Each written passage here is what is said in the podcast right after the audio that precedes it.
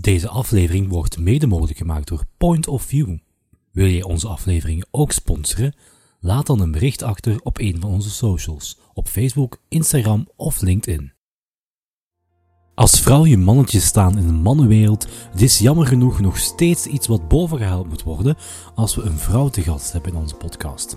Dat Alexandra Limage er zich eigenlijk niet veel van aantrekt, hoor je verderop in de aflevering. Verderop gaat het ook over hoe je een crisis doorzwemt als je een passend bedrijf in handen krijgt en hoe het belangrijk is om te luisteren naar je werknemers. Hoe die vorige precies helemaal in de steel zit, kan je weer ontdekken in de splinternieuwe februari aflevering van Point of Vision. Welkom!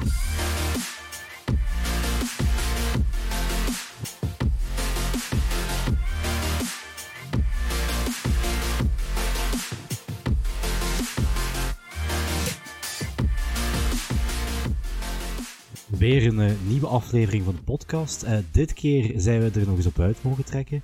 Eh, we zijn hier te gast bij Sprint Transport. ik heb Jeroen nog altijd meegenomen, die Inderdaad. mag er nog altijd bij Hallo. zijn. en we zijn te gast bij Alexandra Limage. Goedemiddag. Goedemiddag. Eh, vertel eens eh, kort, Alexandra, eh, wat doe jij in de ondernemingswereld? Kort, we gaan daar zelfs nog eh, verder op in.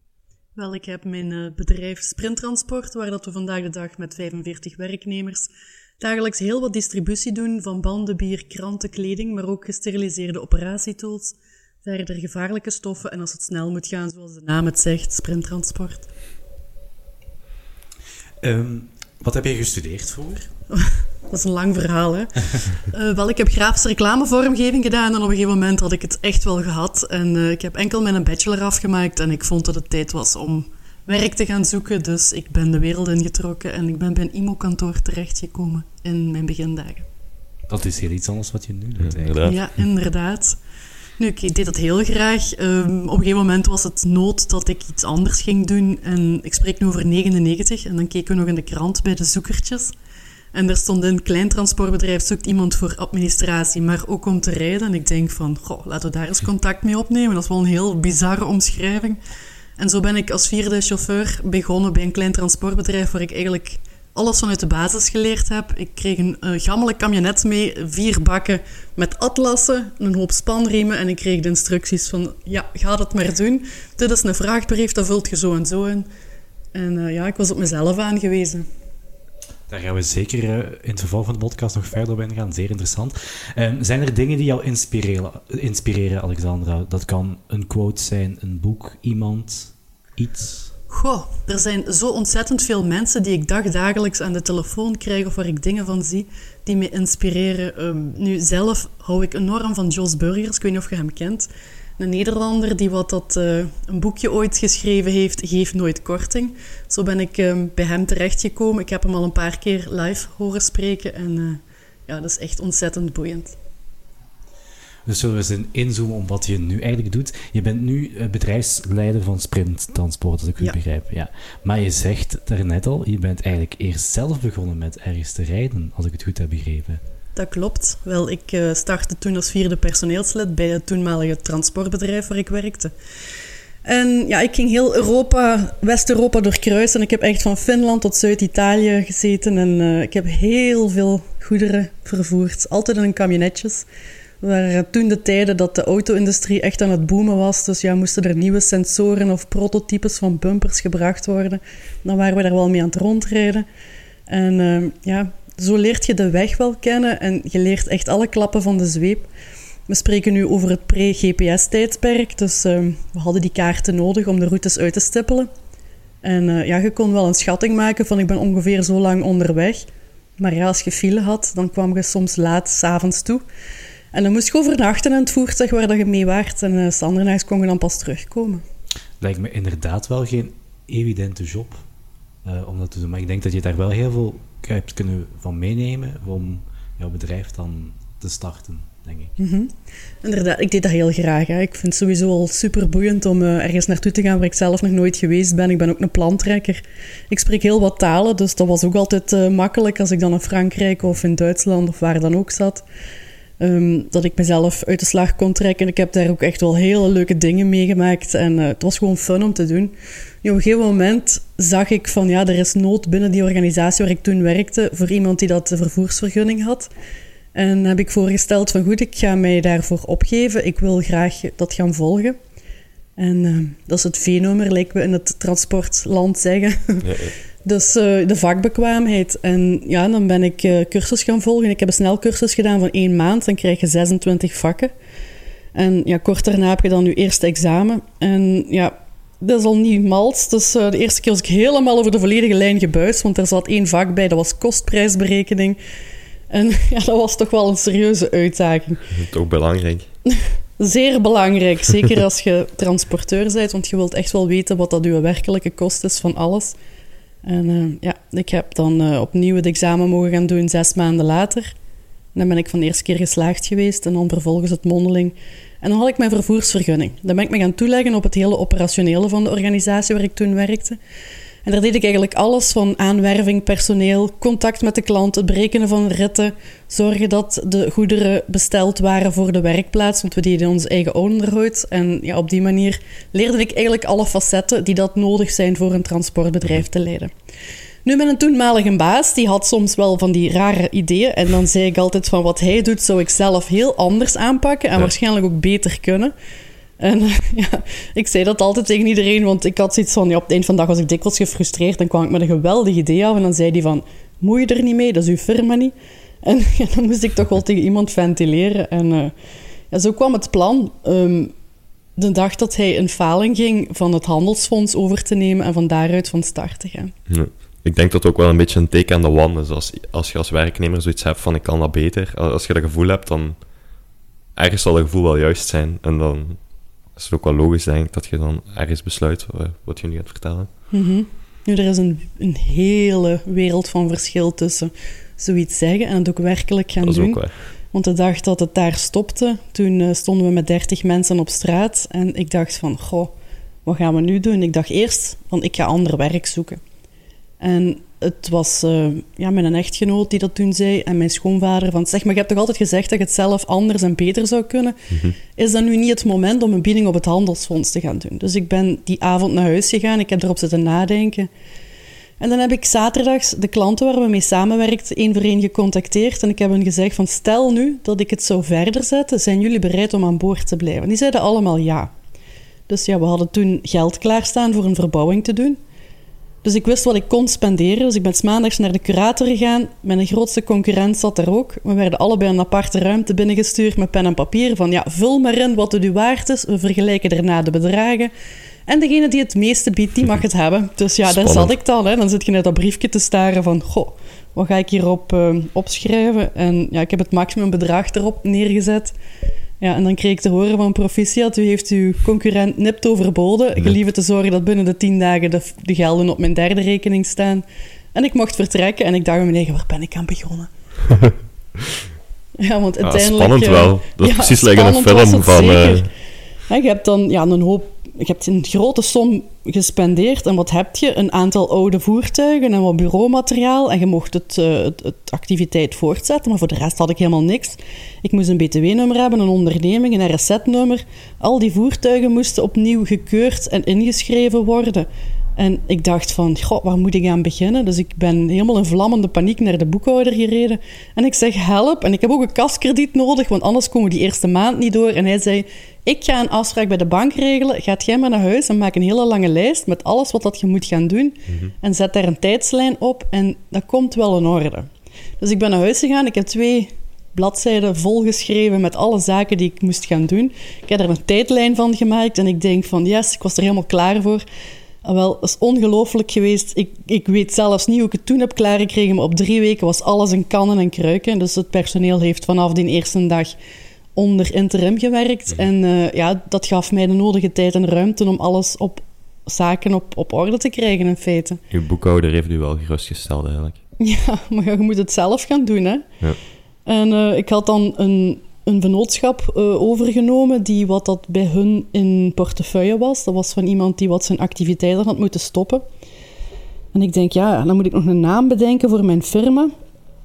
En eh, ik stond die avond in de fitness rond te springen en ik dacht bij mijn eigen van, ja, hoe gaan we dat noemen? En in die tijd was het zo dat heel veel mensen de voorletter van hun achternaam namen en dan een combinatie maakten met dan de eerste Mhm. letters van de voornaam. En ik denk, ja, niemand gaat mij geloofwaardig gaan vinden als ik het Lexitrans of zoiets ga noemen. Dus ik was aan het denken en ik denk van, goh, spring, spring, sprint. Ik denk, voilà, sprint. Dat leek me wel een goede naam en eh, we hebben het dan zo genoemd. En ja, ik ben dan kort daarna naar de notaris geweest voor de, het maatschappelijk doel aan te passen en de naam te veranderen. En eh, zo geschieden. En ik dacht op dat moment, yes, the sky is the limit. Maar dat bleek toch iets anders te zijn. Om even terug te komen op die naam, denkt u dat die naam echt cruciaal is, een naam kiezen voor uw bedrijf? Of is het meer zo een beetje bijkomstig? Want ik hoor altijd twee verhalen. Zo, mensen die zeggen van, uw naam, dat maakt ook niet zoveel uit, het is maar een naam. En andere mensen zeggen van, jawel, dat is echt belangrijk, dat kan echt uw firma kraak of maken. Ik vind het toch wel belangrijk dat het een naam heeft die dat mensen onthouden en dat je er niet iets eh, exotisch van begint te maken. Want ja, dan wordt het voor iedereen moeilijk om het te gaan onthouden. Mhm. En ik dacht, sprint, ja, dat, dat bekt goed, dus eh, laten Ja. we daarvoor gaan. Je zegt dat het niet evident was, die weg, om het eigenlijk zelf te gaan doen. Maar heb je veel kunnen putten uit jouw ervaring om als zelf, toen je het nog zelf reed? Wel, er is een hemelsbreed verschil tussen ergens werken en het zelf gaan doen. Want al gauw had ik uitdagingen op mijn bord waar ik nooit ervoor over had kunnen nadenken. Ik dacht van, kijk, we gaan gewoon voort. We blijven op dezelfde locatie. Maar toen kwam de huisbaas naar ons toe en die zei van, kijk, jullie zijn een andere firma. We gaan de huurprijs maal 2,5 opslaan. En ik denk, ja, oei, dat heb ik niet meegenomen in mijn begrotingsplan. Dat gaat niet lukken. Dus ik moest al heel snel gaan zoeken naar een andere vestiging. En ik vond niks in Hasselt, dus ik ben beginnen kijken in de aangrenzende gemeentes. En ik kwam al Alkes en Truiden, Genk uit. En ik denk, oh, nee, daar, heb ik niks mee. Ik ben blijven zoeken uiteindelijk. En ik denk, het, het moet groot genoeg zijn, want ik moet heel wat voertuigen daar binnen kunnen krijgen. Ik heb een kantoorruimte nodig, maar ik wou ook eh, de werkplaats meenemen. En ja, dan heb je toch al wel wat eh, ruimte nodig. En dan ben ik uiteindelijk eh, op een heel oud gammel pand terechtgekomen in Houthalen. Er was geen verwarming, geen warm water. Die poort die moest je nog echt manueel opentrekken. En er hadden voorheen drie bedrijven gezeten. Een lakkerij, een bakkerij en iemand die geluid en licht deed. En als je daar binnen ging, het rookte er naar urine van ongedierte. En ik moest echt op de grond stampen en ik zag van alles wegrennen. Dus... maar goed, ik kon het betalen. Ik dacht bij mijn eigen van, we zitten terug gevestigd en eh, nu gaan we er helemaal voor. En ja, je, je richt je kantoortje in en je begint eh, rustig te werken. En ja, dan hadden we onze volgende uitdagingen, heel wat problemen met personeel. Anderzijds, eh, we gingen richting zomer 2008 en ja, plots was er helemaal geen werk niet meer. Ik had nog mijn vast werk, dus daar kabbelden we op voort. En ik denk, ja, wat is dit voor een rare tijd? Hè? Want we waren gewend in de zomer, oké, met bouwverlof, is er altijd wel een terugval geweest in het transport, maar daarna trekt dat weer aan. Ja, dan bleek een mondiale bankencrisis uitgebroken te zijn, en waardoor er echt letterlijk geen enkel werk meer was. Dat was een ramp gewoon. Hoe ben je daar dan mee omgegaan? Want dat is toch wel weer een extra uitdaging wat op je pad komt. Iets wat je niet had voorzien. Nee, ehm, ik was ook helemaal uit mijn lood geslaan. Want ik dacht eerst van mijn telefoontoestel is stuk. Dan heb ik mezelf een paar keer opgebeld, maar dat toestel rinkelde nog, dus daar kon het niet aan gelegen hebben. En eh, ja, dan zie je zo de berichtgeving in de pers. En ja, al snel merk je dat er heel wat collega's het ook heel moeilijk hebben. Nu, in het begin had ik heel veel vragen en ik denk, hoe moet ik het gaan oplossen? Dus ik heb altijd mijn concurrenten gebeld en gevraagd van, hoe pakken jullie de zaken aan? Wat doen jullie daarmee? Dus ik belde hen ook en ik zei van, is het bij jullie ook zo kalm? Ja, zeiden die, is echt erbarmelijk slecht op dit moment. We hebben amper werk. En dan dacht ik van, ja goed, we zitten er allemaal middenin. Nu, we gingen richting het einde van het jaar. En eh, ik kreeg mijn resultaten van de boekhouder binnen. En die zei van, dat ziet er niet goed uit. Als je op die manier gaat voortdoen, gaat je een heel, heel moeilijk parket gaan terechtkomen. En ik dacht van, ja... Tussen bleek ik dan ook nog zwanger te zijn van onze jongste. Dus ja, lekker tof om dat er nog bij te krijgen. En ik dacht bij mijn eigen van, wat heb ik gedaan? Ik heb hier al het geld wat we hadden erin gestoken. Ehm, ik ga hier een kindje nog op de wereld zetten. Ik weet echt niet in welke richting dat dit gaat evolueren. Dus ik heb daar zelf tegen mijn eigen gezegd van, goed, nu focus. Tussen kerst en nieuwjaar heb ik een heel saneringsplan uitgeschreven. Waar dat ik echt alle kosten, want ik had altijd berekend van eh, zoveel gaat naar dit, zoveel gaat naar dat. Dus ik had al die kosten in, ja, in mijn beheer en eh, dat ik kon zien van goed, daar moet in gesnoeid, daar moet in gesnoeid. En ik ben dan het nieuwe jaar gestart in plaats van een nieuwjaarsreceptie met de mensen bij elkaar te roepen en hun te zeggen van kijk, hier staan we vandaag. Als we op deze moment gaan voortdoen op hetzelfde niveau, dan gaan we waarschijnlijk Pasen niet halen. Dus ik wil jullie vragen, de voltijdse dan, op dat moment waren dat er zes, om op vrijwillige basis naar minder uren te gaan, zodat dat mij de ruimte gaf om ja, toch nog wat van die, van die kosten, zeker die loonlast, want die was torenhoog, om daar iets aan te gaan doen. En uh, van de zes personen zijn er daar vijf mee ingestemd. En ik heb hen ook gezegd van, kijk, moest het ooit drukker worden, dan geef ik jullie wel de garantie van, uh, dat jullie terug een voltijdse arbeidsovereenkomst hebben. Eentje is dan weggegaan. En ja, dat was het eerste stuk van onze overlevingsstrategie. Dan ben ik vervolgens in detail gaan bekijken waar kan ik op besparen. En dan heb ik een garagist in dienst genomen. Dat klinkt nu misschien raar, van waarom zouden we nu nog iemand extra in dienst nemen? Maar ik had gemerkt dat als we naar de dealer bleven gaan, dat uurloon lag heel hoog. En ja, je werd je wagen lang kwijt, je had er niet meteen zicht op. Wat gebeurt er? Ik wist als ik de onderdelen zelf kon aankopen, dat ik daar een enorme korting als transporteur op had. Ik denk van goed, ik had een financieel plan daarover gemaakt. En ja, ik heb dat op dat moment uh, op die manier opgelost. En dat was de tweede stap. Dan moesten we marketing gaan doen. Maar ja, budget nul, begin er dan maar aan. Hè. Dus ik dacht me eigen van, uh, hoe gaan we dat aanpakken? Nu, uh, die grafische reclamevormgeving wat ik ooit gevolgd heb, heeft mij dan wel um, een foldertje doen ontwerpen. Waar ik mij heb laten inspireren door de folder van de Chinees en de kebabzaak waar dat je een schoteltje op ziet met daar wat er allemaal op zit en de prijzen en het grote telefoonnummer. Wel, ik heb hetzelfde gedaan.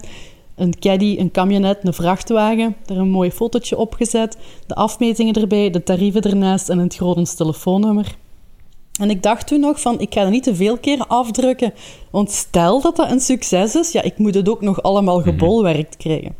Dus ik heb dat tien keer afgedrukt. Ik ben bij ons op de industrieterrein gaan rondrijden. En overal waar ik zag van, ja, daar is het gras nog gemaaid. Of dat ziet er wel een leuk bedrijf in uit. Daar heb ik dan de folder in de bus gestoken. Wel, binnen de week had ik zeven nieuwe klanten. ik heb die de best mogelijke service gegeven. Ja, en dat ging door het dak. Want wat bleek nu? Door zo'n crisis ja, zijn er heel wat collega's die dat sneuvelen. Maar er moet nog steeds goederen vervoerd worden. En ja, het is dan de manier van de klanten te gaan vinden. En uh, ja, ik gaf hen echt een hele goede service. Dus die begonnen meteen ook van, ja, maar we hebben nog iemand en die heeft ook transport nodig. En die mond-tot-mond reclame, mhm. dat evolueerde. En bij ons werd het zo ontzettend druk dat ik meteen zoiets had van, goed, iedereen die hier nu deeltijds werkt, hup, terug voltijds aan boord. En ik heb zelfs iemand moeten aannemen om voor administratie mij te ondersteunen, want ik kreeg het niet meer allemaal gedaan. Want ook met die tien uh, die tien flyertjes, uiteindelijk, als je wist dat, uh, je weet dat dat een succes is, had je dat nog kunnen opschalen. Want dan wist je van 7 op 10 reacties en dan schaalt dat dan op naar 100 bijvoorbeeld en dan had je weer 70%. Dat had je gekund, maar er was één klein element. En dat was, ik zat met een hele oude vloot en die ging constant stuk. En ik had een garagist die was keigoed in dingen oplappen, maar dat was altijd maar van een korte duur, want die gingen terug stuk. dat was gewoon verschrikkelijk. En ik zat dikwijls s'avonds te wachten dat, dat iemand mij belde van ja, ik ben terug binnen. Ik denk van oef, we hebben het gehaald. We zijn teruggeraakt. Want ja, voertuigen op leeftijd, ja, daar komen mankementen aan. En dat begon zelfs zo erg te worden dat ik op een gegeven moment moest gaan kijken van goed, dat type versnellingsbak heb ik nodig en voor die wagen heb ik dat type motor nodig. Mhm. En we begonnen daar al stok van aan te leggen, want die dingen gingen toch stuk. En dan denk ik van, als ik er nu op terugdenk en denk van waar waren we in godsnaam mee bezig? Want dat is nu je businessmodel voor een oude vloot rijden te houden. Een ondernemer zou zeggen van goed, die, daar zijn te veel kosten aan, we gaan die vervangen. Maar ik had op dat moment die middelen niet, want ik zat nog altijd met een negatief eigen vermogen op dat moment. En de bank zei ook van, allee, we zijn blij dat we u kennen, maar voor de rest moet je hier niet te veel komen vragen. Maar het is ook gewoon een beetje groeien met de riemen die je had. En, uh... Ja, inderdaad, zo was het. En uh, ja, je moet ergens starten, want ja, ook uh, de inrichting van ons toenmalig kantoor het was koud die winter en ik ben in de kringloop alle vuurtjes gaan mhm. opkopen die ik kon vinden. En ja, die bleven dan s'nachts wel op een minder pitje, maar toch bleven die dan draaien. En ik dacht s'morgens altijd van, oh, laten we hopen dat het niet afgebrand is. dus iedere ochtend als ik naar kantoor reed, dan dacht ik ook van, wat gaan we vandaag weer allemaal tegenkomen? Ja, maar ja, goed, de mens moet ergens beginnen. En uh, we hadden een dak boven ons hoofd. Droog was het er niet. Maar goed, we hadden een ruimte en we waren operationeel. Ja, dat is alles behalve nu, want ik zit hier zelfs in een t-shirt nu. Dus uh, het is lekker warm hier. ja, gelukkig, als je ziet van waar we gekomen zijn. Soms kijk ik nog eens naar die oude foto's. Dan denk ik ook van... Jee, wat was dat toen? Maar goed, uh, ja, ja, inderdaad. En je bent, we zitten hier en je bent die crisis wel doorgekomen uiteindelijk.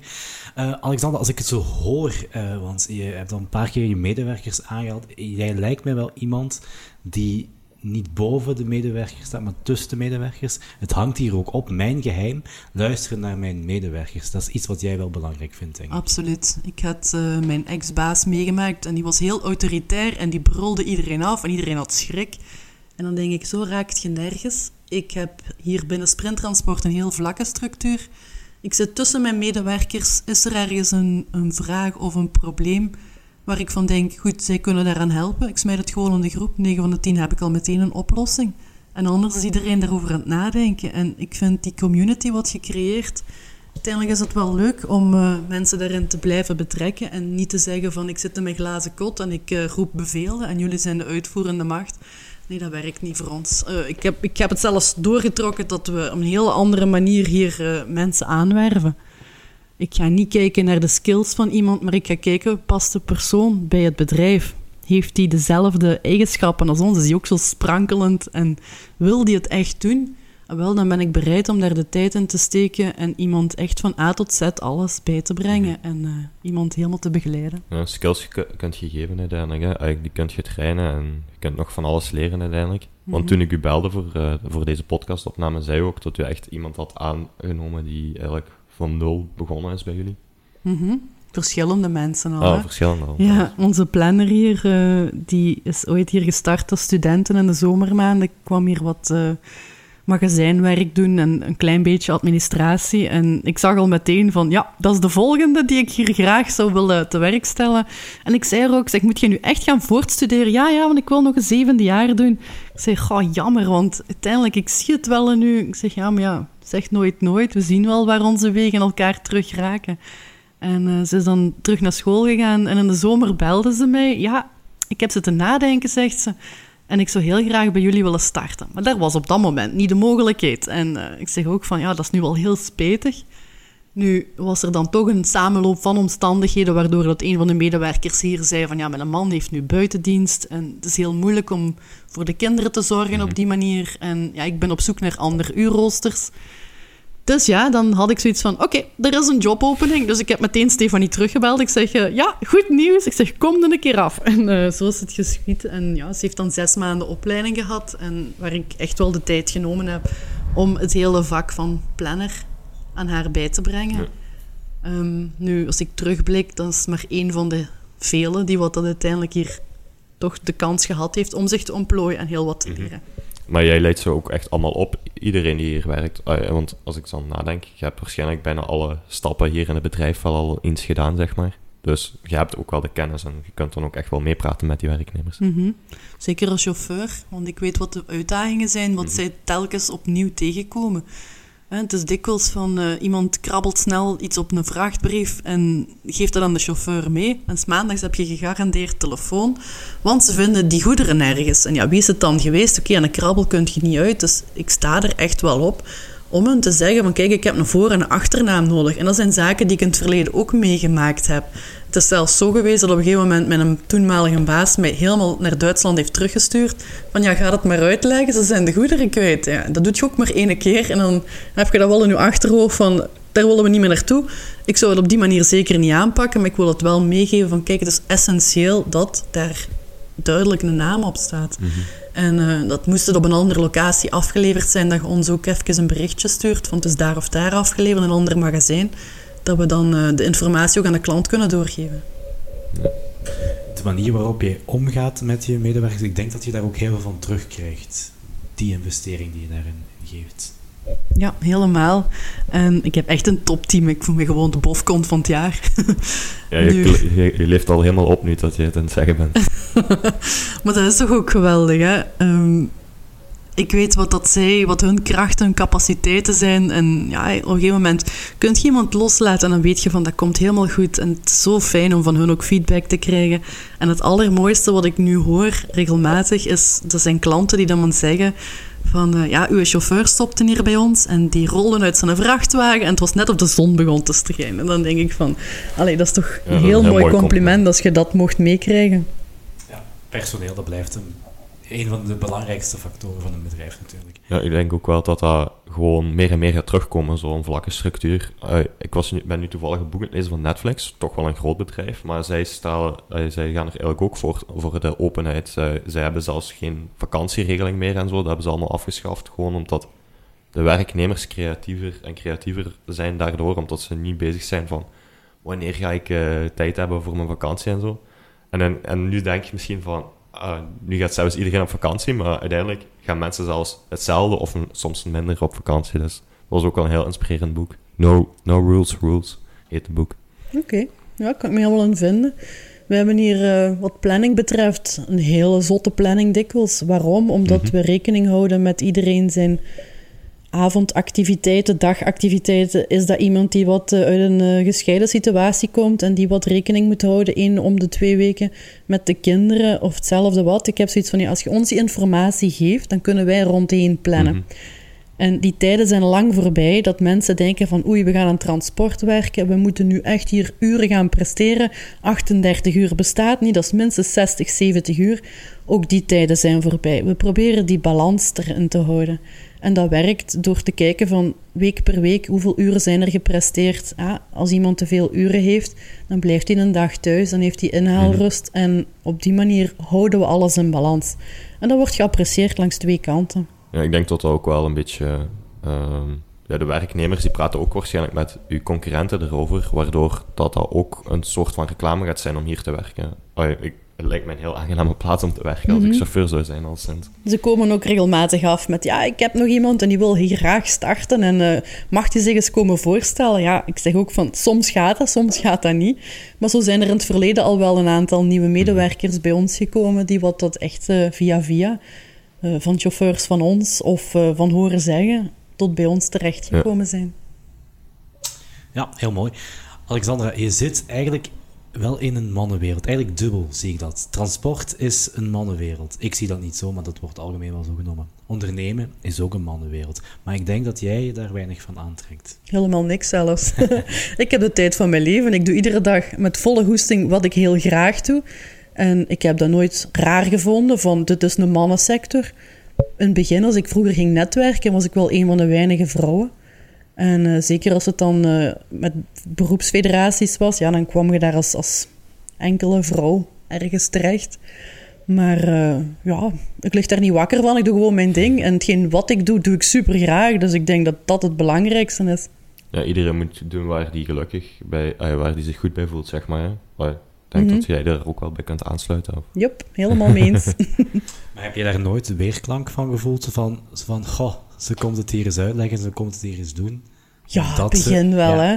Als je dan op een netwerk uh, ergens je bij een groepje gaat aansluiten en je zegt, hey, ik ben Alexander van Sprinttransport, dan kijken ze al zo'n keer naar u, zo van, wat komt die hier doen?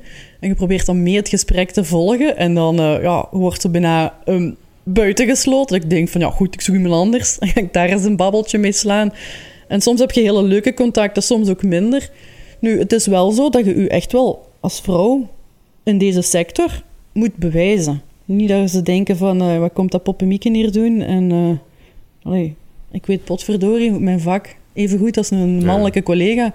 Dus uh, daar lig ik helemaal niet wakker van. Ik doe gewoon mijn ding. Ja, het is zoiets wat wel iedere keer een beetje terugkomt als we een vrouw in een podcast hebben. En dat is eigenlijk jammer en te zeggen van dat het terug ko moet komen, omdat het zou niet benoemenswaardig moeten zijn, maar het is nu eenmaal toch zo. Of hoe zie dat is een grappige vraag hoor, dat man-vrouw gegeven. Ik heb, uh, ja, het komt iedere keer terug, daarom. Ja, ik, het zou niet mogen, toch? Nee, ik vind ook, allee, als jij morgen nu beslist van ik ga een kindercrash open doen en ik zie daar een uh, booming business in en dat is uw, uw ding, omdat je graag met kinderen omgaat en je wilt ouders gelukkig maken van laat ze veilig bij ons.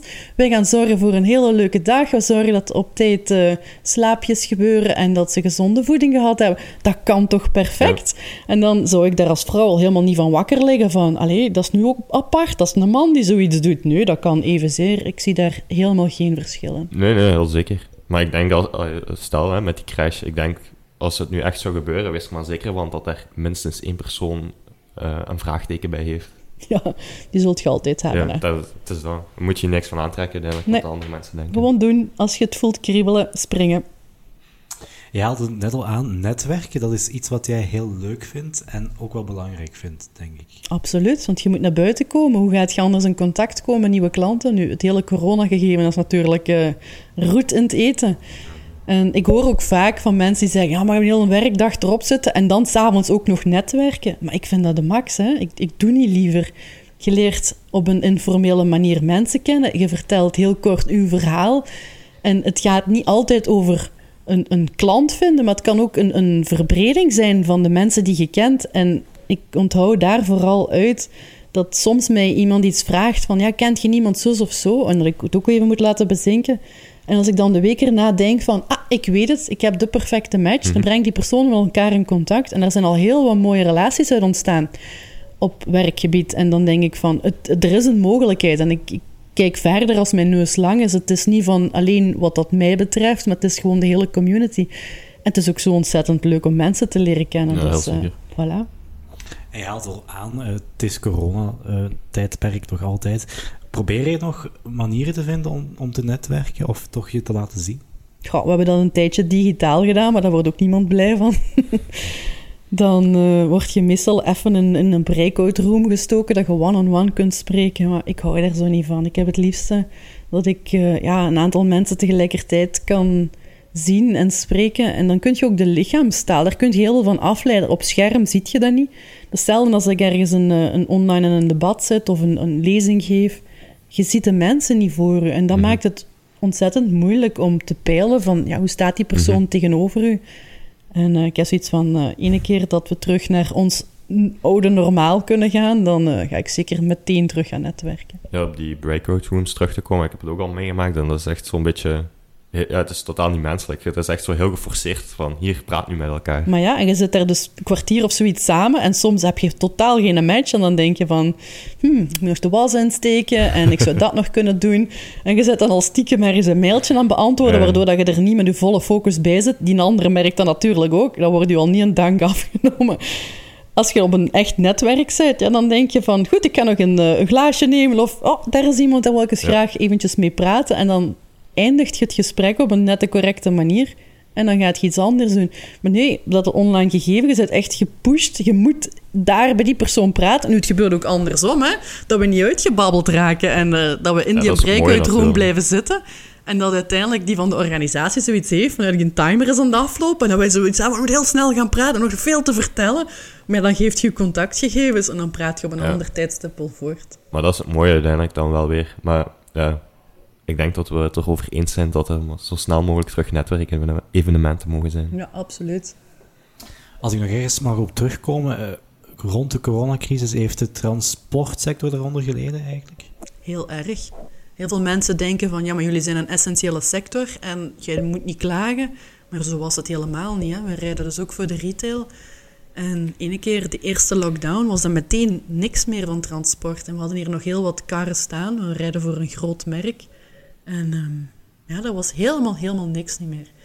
En dan denk ik van, het is goed als je je op diverse gebieden kunt inzetten als transporteur, zodat je toch nog een continuïteit hebt. Er waren heel wat bedrijven die hadden een enorme terugval. Dus ook bedrijven die anders, die ook nog mochten blijven werken, die zeiden van kijk, het gaat niet.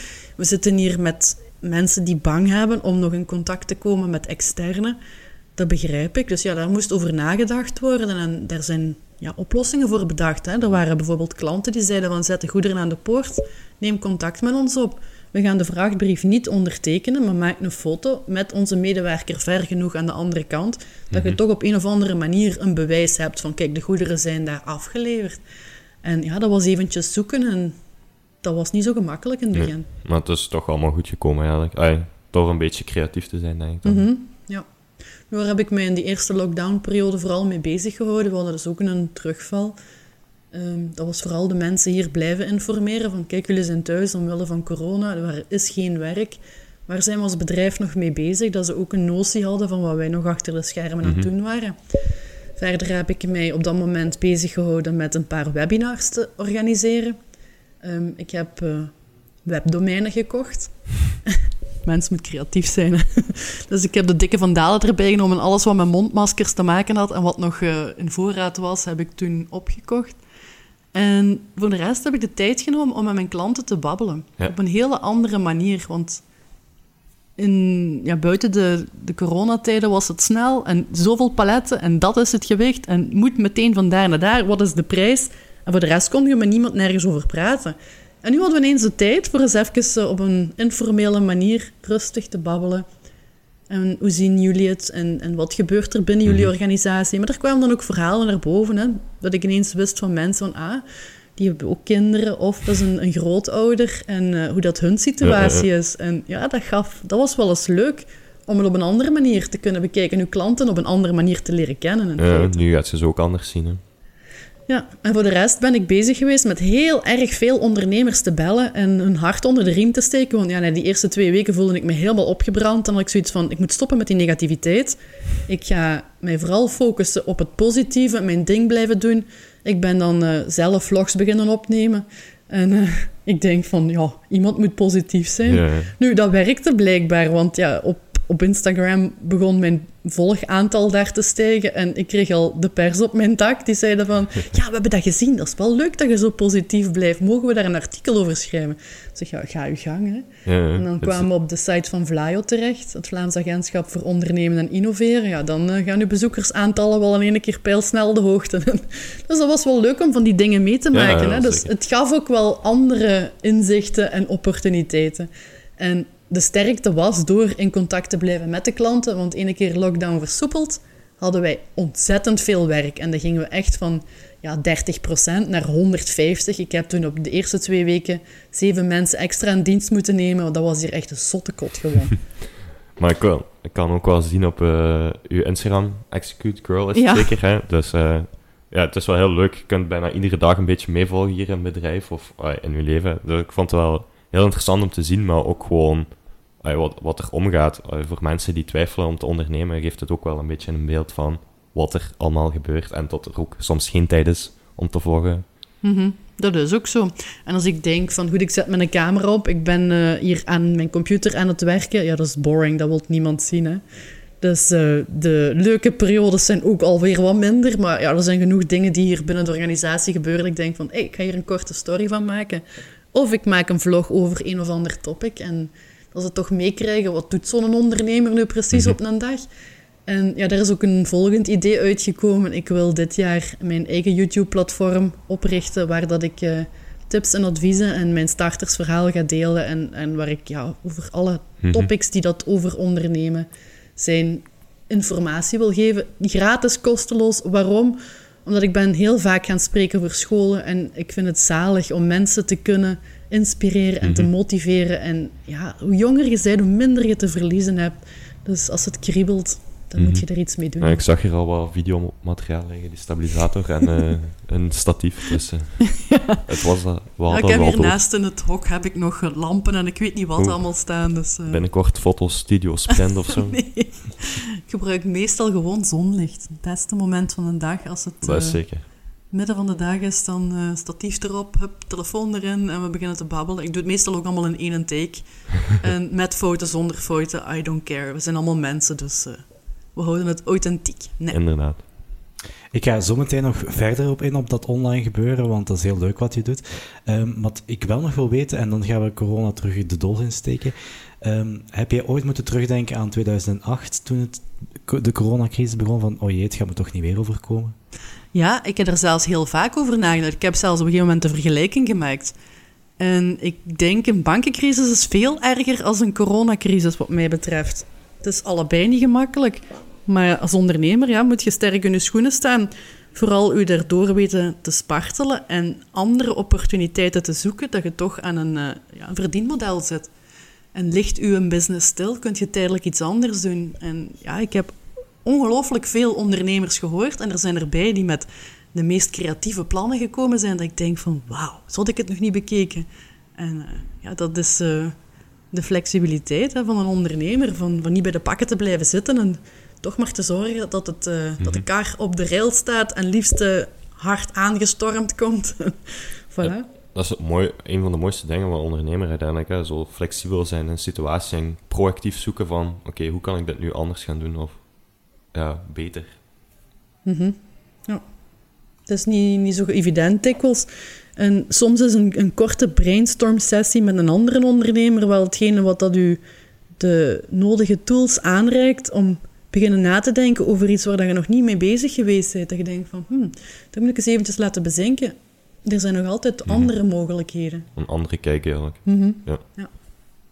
Je haalde het er net al aan. Ik vlog, eh, je zit op Instagram heel actief, heb ik ook gezien. Ehm, het is al vaker in onze podcast naar voren gekomen dat je online profileren, je moet mee op die trein. Eh, je kan niet anders. Eh, wat vind jij ervan? Ik was daar vroeger eigenlijk allemaal niet mee bezig. Hè. Ik had ook helemaal op zijn beloop gelaten. Ik had een Instagram-account en eh, had ik ergens vlinders in de tuin getrokken. En ik denk, ja, er zaten niet eens hashtags bij. en eh, ja, je zit er echt niet mee bezig. En het begon eigenlijk allemaal post-Women Award. Dat ik dacht van, eh, hmm, ik moet wel iets gaan doen met die social media.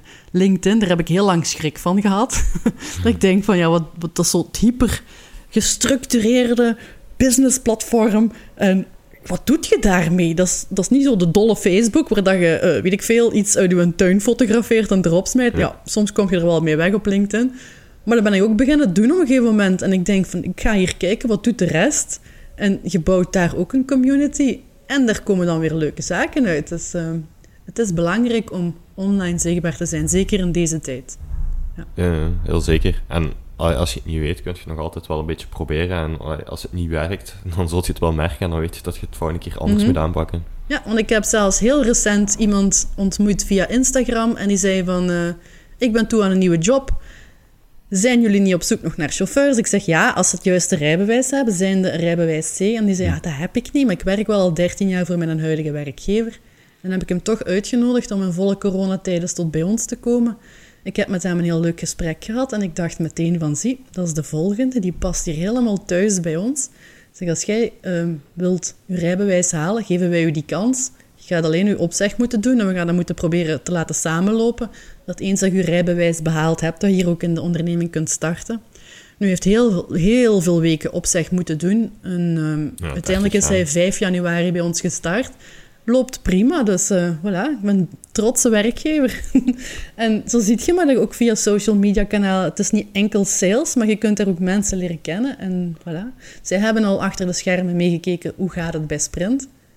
En hadden dan wel al een notie van, eh, dat lijkt me daar een vrolijke bende, daar wil ik graag werken. Er kunnen van allerlei opportuniteiten om de hoek liggen eigenlijk, op eender welk social media kanaal. Dan, het is Ja. maar waar je zijde overal uiteindelijk. Mhm. Daarom moet je er zijn. Denk ik. Ja, heel leuk allemaal. Eh, Alexander, hoe, zit voor, hoe ziet voor jou de toekomst er nog uit? Wat wil je bereiken? Wat heb je, heb je nog doelen? Ik heb er te veel. Tweede lockdown, dat ik tijd zat om na te denken. Ik denk, wat gaan we doen? Ehm, nu, we zitten al twee jaar actief in de medische sector. En dan heb ik op een gegeven moment ook gezegd, goed, we gaan onze ISO 13485 medical devices halen. We zijn nu klaar voor de GDP, dus onze audit gaat komende maand zijn. En daar zetten we ons als klein transportbedrijf anders mee op de kaart, want er zijn echt niet veel collega's hier in Limburg die dat, eh, dat hebben. Ehm, er komt iets geweldig aan, wat geen enkel een transporteur doet in België. Dus eh, daar ga ik nog niet te veel over loslaten. Ik zou zeggen, blijf me gewoon volgen. Dat komt allemaal wel ehm, vroeg of laat op de proppen. Op Instagram. Ja, ehm, verder willen wij dit jaar een vestiging hebben in Wallonië, omdat we daar intussen toch met een team van 19 medewerkers zijn. En het begint operationeel een hele uitdaging te worden om zowel de voertuigen ginder als de personeelsleden allemaal te zien en te spreken. En ik ben op zoek naar iemand eh, die dat preventie en kwaliteit gaat doen en mee de logistiek van ginder uit gaat ondersteunen. Dus dat moet echt iemand zijn die dat eh, van moedertaal Franstalig is. Dat is voor dit jaar. Um, voor de komende jaren, je ziet daar mijn moodboard achter u. Dat is Mallorca. Um, ik ben intussen in mijn zesde Spaans. Ik had ja, dit jaar, het afgelopen jaar, eigenlijk uh, plannen gehad om in Spanje iets te gaan doen. Mhm.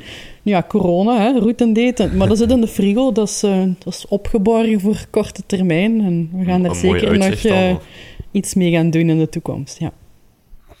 Zeg nog eens vlug even, als, eh, voor de socials, waar kunnen de mensen jou volgen? Dus sowieso op LinkedIn, dat is Alexandra Limage, of Sprinttransport zelf. Verder op Instagram als Execute Girl. dat is eigenlijk mijn oude game naam van vroeger, maar goed, dat is een ander verhaal. En verder uh, ook Sprinttransport, plus op Facebook Sprinttransport.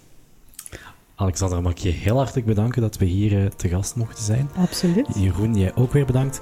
En wij zien jullie of horen jullie graag terug voor een uh, nieuwe aflevering. Dag. Alright, dag. dag.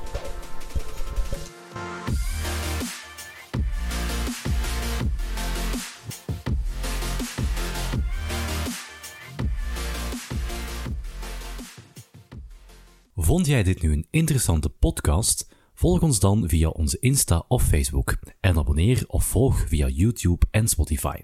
Luister je via Apple Podcast, laat dan zeker een review achter, want dat helpt andere luisteraars om ons makkelijker te vinden.